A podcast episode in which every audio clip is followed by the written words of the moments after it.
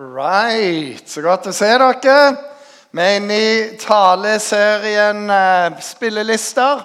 Og det er jo sånn at Mange av oss har spillelister på Spotify. På Jesus sin tid så var det Salmenes bok.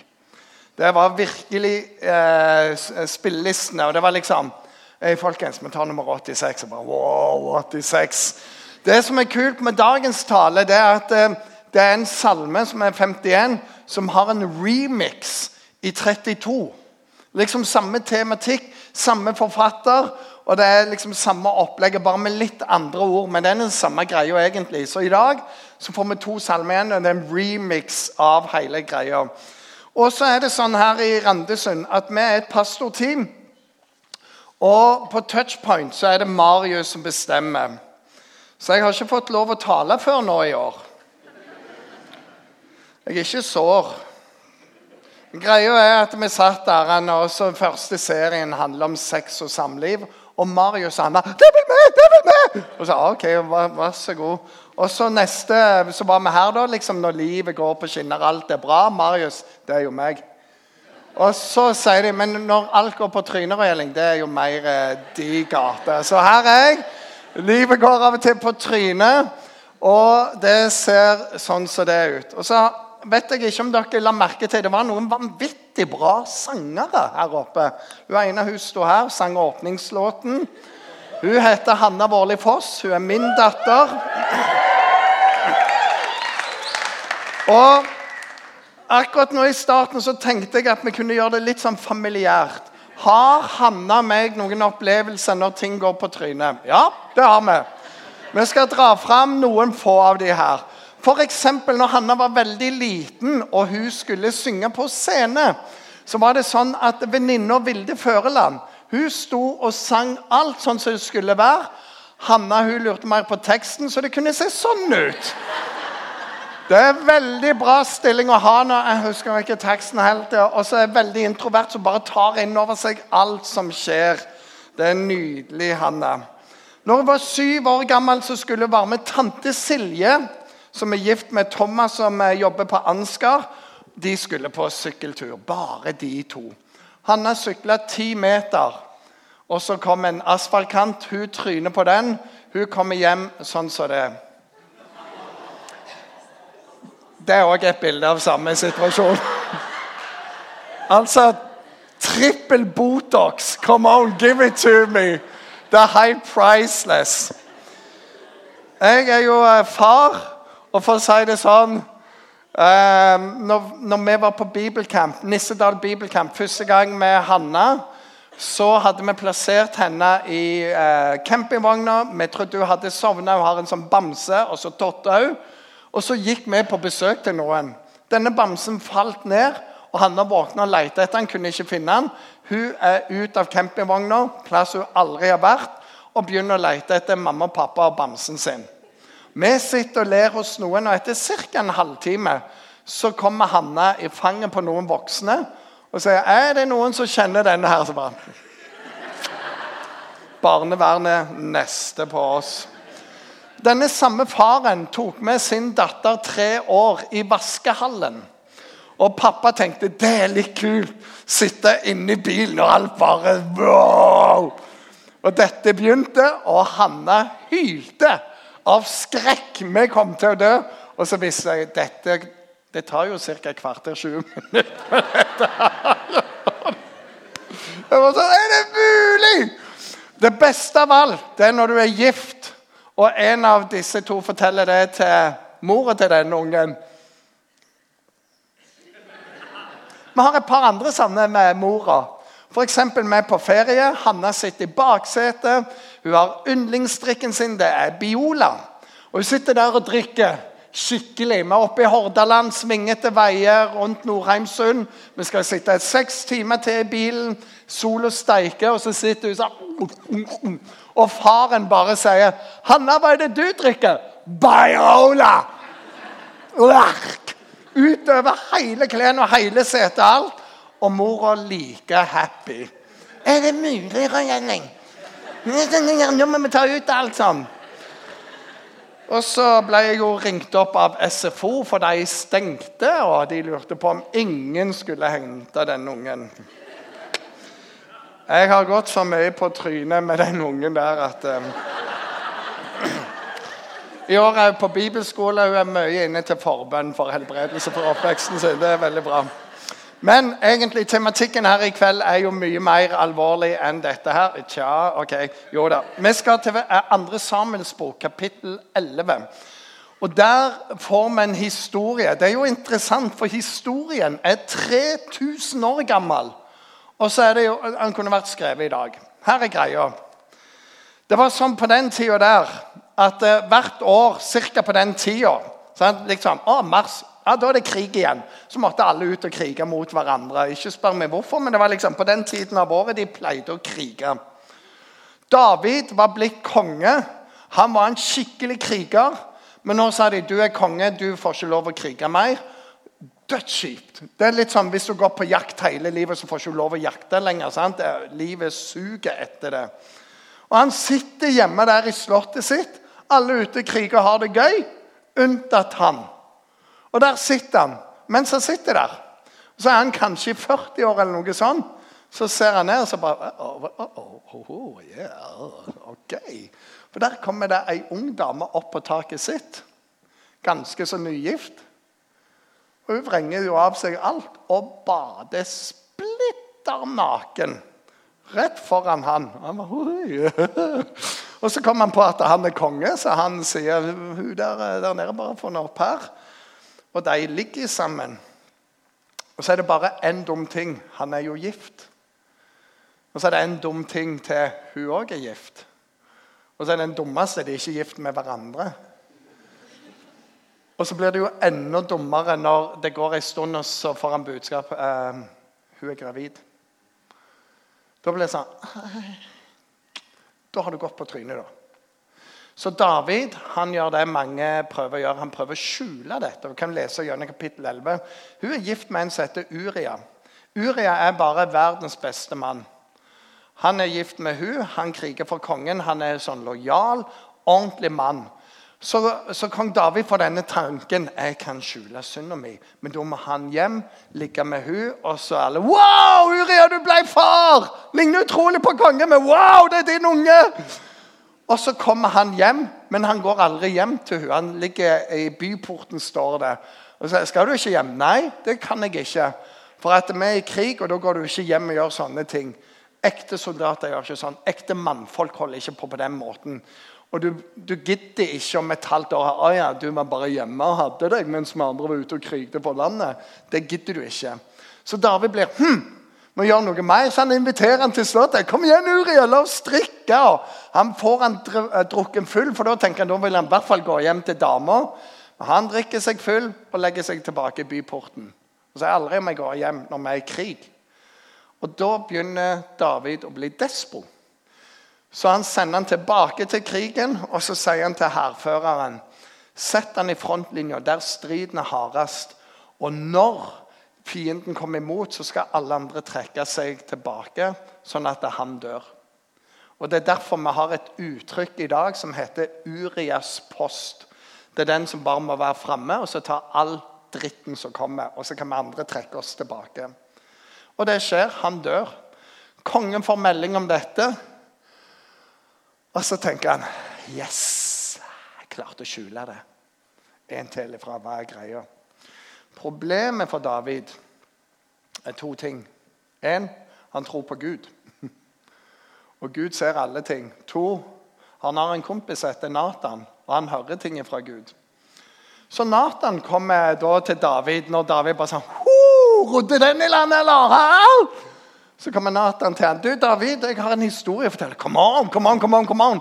Du, det var, det var en rik og en fattig i en by. Han rike han hadde hundrevis av sauer. Men han fattige han hadde spart alle pengene, fått råd til ett lam. Og dette lammet var som en unge i huset. De koste med dette lammet, hadde det inne, virkelig var glad i dette lammet. En dag så får han rike med hundrevis av sauer besøk. Men han har jo ikke lyst til å ofre en eneste av sine sauer til de gjestene. Så han tenker jeg tar han fattige sitt. Så drar han det lammet ut, dreper det, og serverer det som mat. Og David klikker. Så han som gjorde det, han fortjener å dø. Og han skal betale fire ganger tilbake igjen. Og så sier Nathan, David, det er deg jeg snakker om nå. Og I det øyeblikket han sier 'du er mannen', så bare pff, Alt er avslørt. Og David innrømmer ja, det er meg. Han har båret på en hemmelighet. Og Det er her vi kommer inn på spillelista. For det står sånn i Salme 51, og det, det er ganske langt. Til korlederen. En salme av David da profeten Nathan kom til han etter han hadde vært hos Batseba. Vær meg nådig, Gud, i din kjærlighet. Stryk ut mitt lovbrudd i din store barmhjertighet. Vask meg ren for din skyld, og rens meg for min synd. For mine lovbrudd kjenner jeg. Min synd står alltid for meg. Mot deg alene, Gud, har jeg synda. Det som er ondt i dine øyne, har jeg gjort. Derfor har du rett når du taler. Du er ren når du feller dom. Ja, med skyld ble jeg født med synd ble jeg til i mors liv. Se, du gleder deg over sannhet i mitt indre. Du lærer meg visdom i det skjulte. Ta bort min synd med isop, så jeg blir ren. Vask meg, så jeg blir hvitere enn snø. La meg få oppleve fryd og glede. La lemmene du knuste, få juble. Skjul ditt ansikt for mine synder. Utslett all min skyld. Gud, Skap i meg et rent hjerte, gi meg en ny og stødig ånd. Driv meg ikke bort fra ditt ansikt, og ta ikke fra meg din hellige ånd. Gi meg igjen gleden over din frelse. Hold meg oppe med en villig ånd. Jeg vil lære lovbrytere dine veier. Syndere skal vende om til deg. Fri meg, Gud, fra blodskyld, du Gud som er min frelse. Så skal min tunge juble over din rettferd. Herre, Lukk opp mine lepper, så min munn kan lovprise deg. For du har ikke glede i slakteoffer. Mitt brennoffer bryr du deg ikke om. Offer for Gud er en sønderknust ånd. Gud, du forakter ikke et knust og nedbrutt hjerte. Der kommer David. Han er avslørt, og så skjønner han hvordan dette henger sammen. Han har båret på disse tingene. Legg merke til vers 19 offer for Gud er en sønderbrutt ånd. Og han forakter ikke knust og nedbrutt hjerte. ikke det deilig? Du kan komme til Gud med hva det måtte være. David følger noen steg her. og har vært inne på det allerede. Men, men David prøver å fikse det sjøl. Prøver å skjule det sjøl. Han, han ordner opp. Og Det er en tendens vi òg kan ha gjort. Eller gjør. Når vi har gjort noe galt, så skal jeg bare hjelpe Gud litt. Eller jeg trenger ikke Guds hjelp ennå, for jeg kan fikse det. Og tanken vi har, er hvis jeg bare fikser dette nå, så er det ingen som merker det, og så går alt bra. Så hvis du bulker en bil Ingen av dere som har gjort det. Men hvis du skulle gjøre det, og så tenker du hm, Jeg bare retter ut den bulken sjøl, jeg. Så ingen som merker det. Så begynner du så, Oi, nå er det tre bulker i den bilen, ja. Det ble dyrt, det. Så blir det stort sett bare verre. Jeg kjenner folk som har gjort følgende. De var kasserer. Vi leser om eh, han som var kasserer for Jesus. Han, det sto at han tok litt av kassen hele tida. Og noen andre har gjort det samme. Så tenker noen jeg trenger å betale den regningen, så jeg bare låner litt penger av kassen. Eller jeg har lyst til å varme deg ut, så jeg bare låner penger av kassen. Jeg skal jo betale det tilbake når jeg får lønn eller stipend.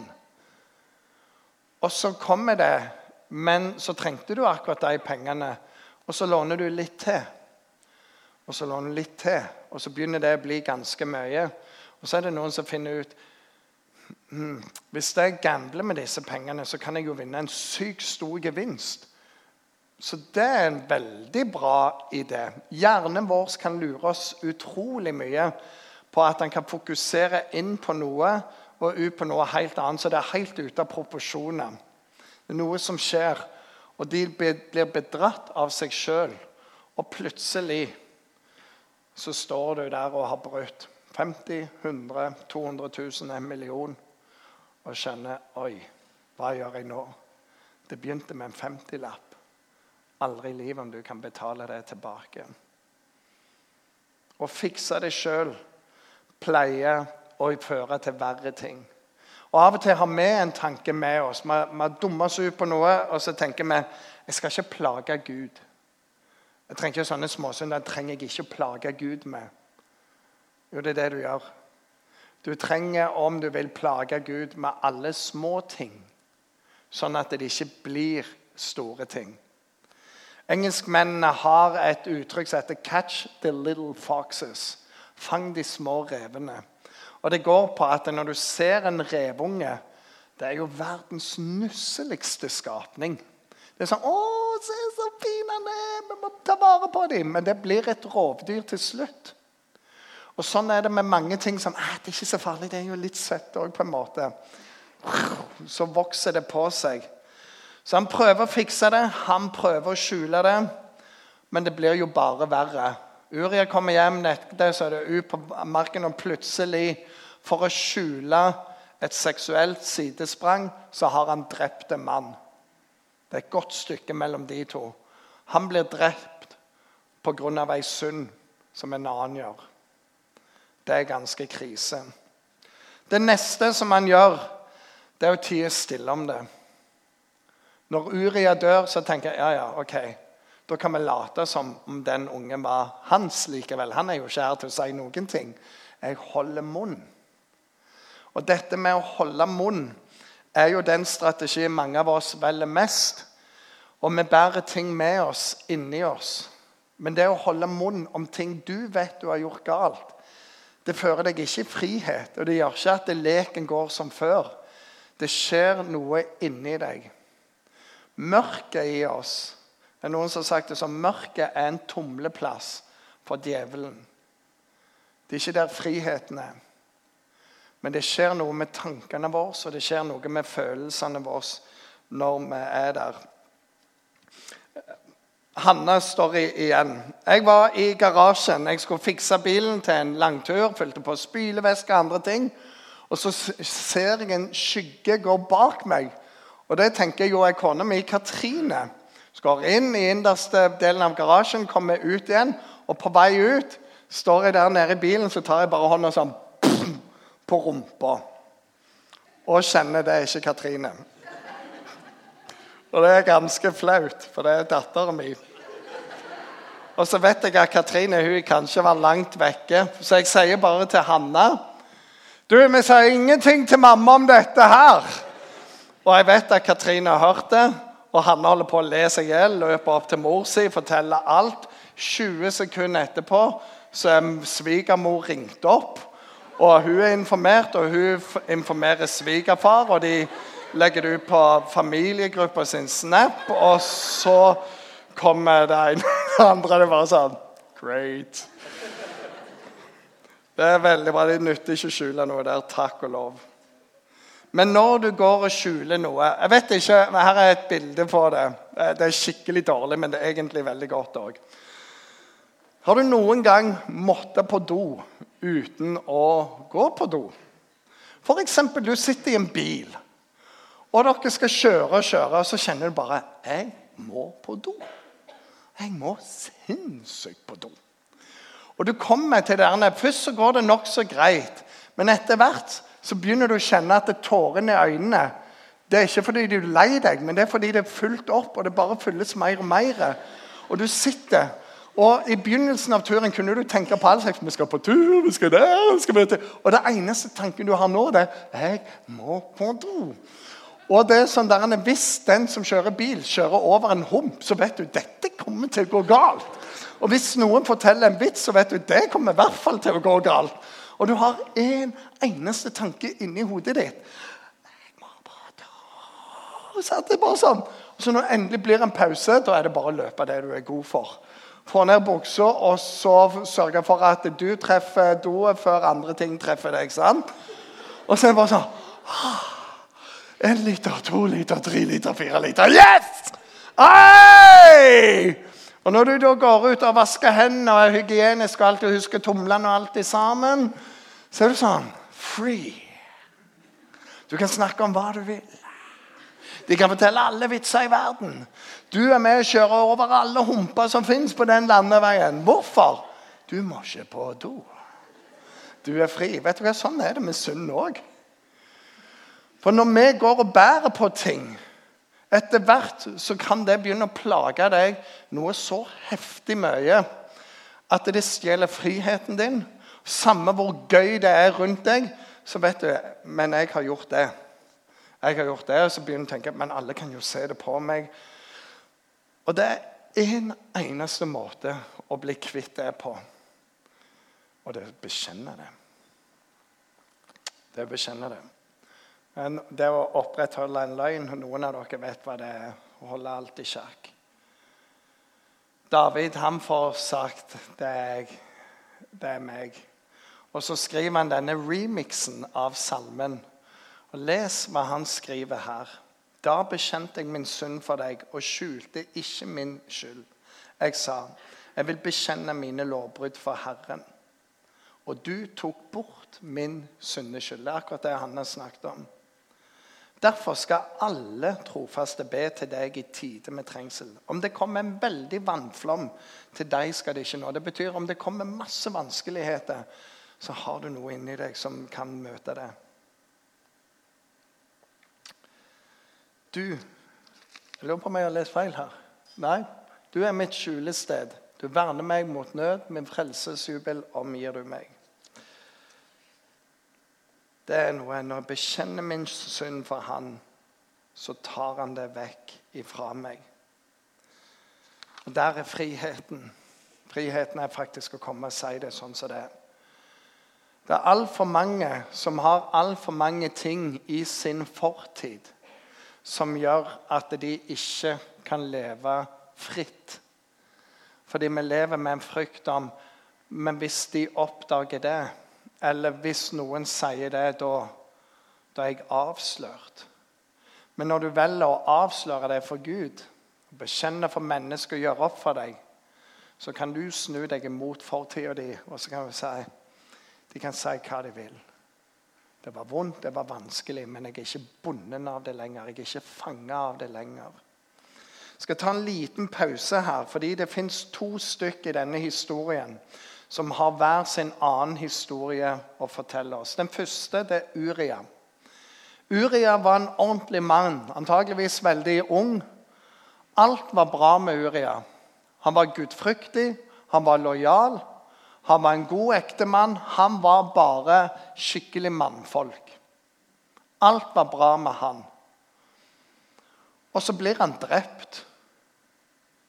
Og så er det noen som Hva var Guds mening med det, da? Det var ikke Guds mening at han skulle bli drept. Det var en annen manns synd som gjorde at han ble drept. Det var ikke rettferdig. Det var alt som var utrolig dårlig. Men vi hører av og til ja, det er Guds mening med alt. Det er det ikke. Når foreldre spiller vekk penger du har det vanskelig det er ikke Guds vilje. Når foreldres ville liv rammer deg, det er ikke Guds vilje. Når søskens måte å gjøre ting på som rammer deg, det er ikke Guds vilje. Davids sidesprang koster Uria livet. Det var ikke Guds vilje for Uria. Noen mennesker rammes enormt hardt av andre menneskers synd. Enten direkte eller andre. Eh, enten direkte eller indirekte. Og Jeg har lyst til å si til deg som er der Det er en som kjenner din smerte. Og det er han som ble gjort til smerte sjøl for noe han ikke hadde gjort, og det er Jesus. Han som lot seg henge på et kors. Verste måten å bli torturert på. Pint til døde. Og det står våre smerter tok han på seg. Og Den smerten du bærer på, den tok han på seg. Og Det er én plass du kan finne legedom for det, og det er hos Jesus. Så jeg har lyst til å si til deg Veldig ofte når du kommer til Jesus med smerten din, så er ikke det sånn Nei, så ble alt bra. Men du begynner en vandring som leder til frihet. Av og til når du, eh, når du har fått et sår, så kan det være så ekstremt betent at bare du kommer borti det så, Jeg vet ikke om du har vært på så, så, er det veldig morsomt. Så slår deg og alt. Og sånn er det med ting som skjer med oss. Når folk så vidt begynner å touche, så er det sånn. Men hvis du skal bli helbredet fra et ordentlig skrubbsår som er infisert med all slags Hos oss heter det bitterhet. Heter å ikke stole på noen lenger. Så må du faktisk ta av det, og så må Jesu blod rense det. Det desinfiseringsmiddelet. Det kan svi. Min mor har vært sjelesørger for mange. Hun sier ofte det blir verre før det blir bedre. Fordi når du tar av, så må du tilbake i situasjoner, og så kjenner du smerten. Men når Jesus får lov å komme inn, så begynner helbredelsen. Og så kan du komme tilbake til de historiene senere i livet og si ja, det skjedde, men jeg kjenner det ikke sånn inni meg. Og så tror vi at Gud kan vende alle sår, alle nederlag, all smerte om til styrke i livet ditt. Og det som har vært det vondeste for deg, kan bli noe av den tjenesten Gud gir deg til å sette andre mennesker i frihet. Han er mester i å ta vårt svakeste og gjøre det til vårt sterkeste. Men jeg har lyst til, veldig lyst til å si det fins ikke en Guds mening med alt som skjer. Og det er ikke sikkert at det du har opplevd, at du skulle vært det. Uria fortjente ingenting av det. Men har leid av det. Det kan være deg. Og jeg har lyst til å si til deg Si det til noen. Be det ut. Skrik det ut. Involver andre. Den andre personen, det er Nathan. Han som kommer til David og sier jeg har en liten story å fortelle deg. Og så sier jeg, men David, du er, du er den mannen. Gode venner forteller smertefull sannhet. Når vi har tryna, når vi er helt på bærtur, når vi behandler folk veldig dårlig, så trenger vi venner som våger å si Kan vi ta en liten prat? Det kan være du skulle justert noen ting i livet ditt. Og så har jeg lyst til å si ingen liker sånne folk. Bare må ta Du kjenner at det ikke er hellig vrede. Du blir bare vred. Og det er sånn vekk med meg. En god venn sier likevel ifra. For de sier fra for de vil deg det beste. Og så er en sånn en god Nathan-venn en fyr eller ei dame som jobber med hvordan skal jeg få sagt det. Sånn at dette kan skje en endring, så du får det bedre. Du må be om at det må være sånne Nathan-venner i ditt liv. Og når det har vært sånne, så må du takke dem at de våger å si det, og du må takke Gud for dem. Og så må du be om å få være en sånn venn for andre. Vi trenger Nathan. Her er et spørsmål du skal få lov å tenke litt på. Kong David. Hans historie ender jo ikke i nederlag. Han har et sidesprang. Han dreper en uskyldig mann, men han blir huska som tidenes konge. Og David er et av de mest populære navnene i verden. Det er sånn vi husker han. Hvis Nathan ikke hadde kommet og sagt det til han, hvordan hadde hans historie vært da? Antageligvis ikke sånn. Men han fant en vei til omvendelse og igjen til meg og deg, da. Jeg tror det er ganske så mange her som sitter inne og så vet søren heller, jeg har gjort det, jeg har sagt det. Jeg bærer på den hemmeligheten, jeg bærer på den løgnen. Jeg har prøvd å fikse ting sjøl, jeg prøvd å skjule ting. Og dette går jo ikke særlig bra.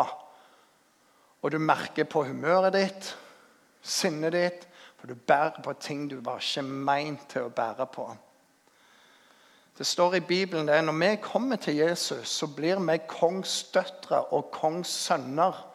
Og Gud har en kongesak å skrive med deg òg.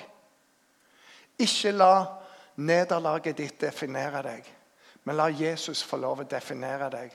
La det være en ny historie som begynner med deg og han. Det, det står dette i 1. Eh, Johannes brev. Sier vi at vi ikke har synd, da bedrar vi oss sjøl. Det er oss sjøl det går utover til syvende og sist. Og sannheten er ikke i oss.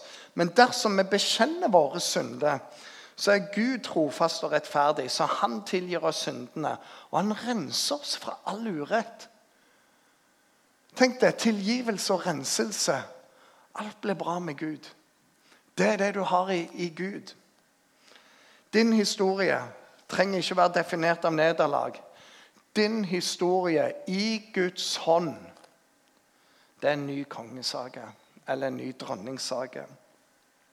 Valget er ditt. Hva gjør du med det? Spillelista i dag er to salmer, salme 51 og 32. Og tematikken er sånne spillelister. Når du har gjort noe sånn, det går om igjen og om igjen inni deg. Og du klarer ikke å trykke det av. Men det kan du få lov å gjøre i dag med å gi det til Jesus og finne noen å snakke med. Vi skal be, og vi skal uh, bøye våre hoder og bare tenke på oss sjøl her. Herre Jesus, jeg takker deg for at vi kan komme til deg med alle ting i bønn. Herre, jeg takker deg for hvordan eh, du møter David. Han må bekjenne sin synd, men så blir han fri. Og så blir han en konge som Israel aldri har sett maken til. Herre, det er utrolig at det han gjorde feil for 3000 år siden, det er aktuelt i dag. Og så ser du oss. Ulik bagasje. Herre, jeg ber om at du må hjelpe alle oss å komme til deg med det vi har gjort. Bekjenne det sånn som det Som Hanna sa. Bekjenne alle ting. Ikke pynte på det, men vær ærlige. Sånn at du kan komme inn i hver ting tilgi det, helbrede det og gi oss en ny vei.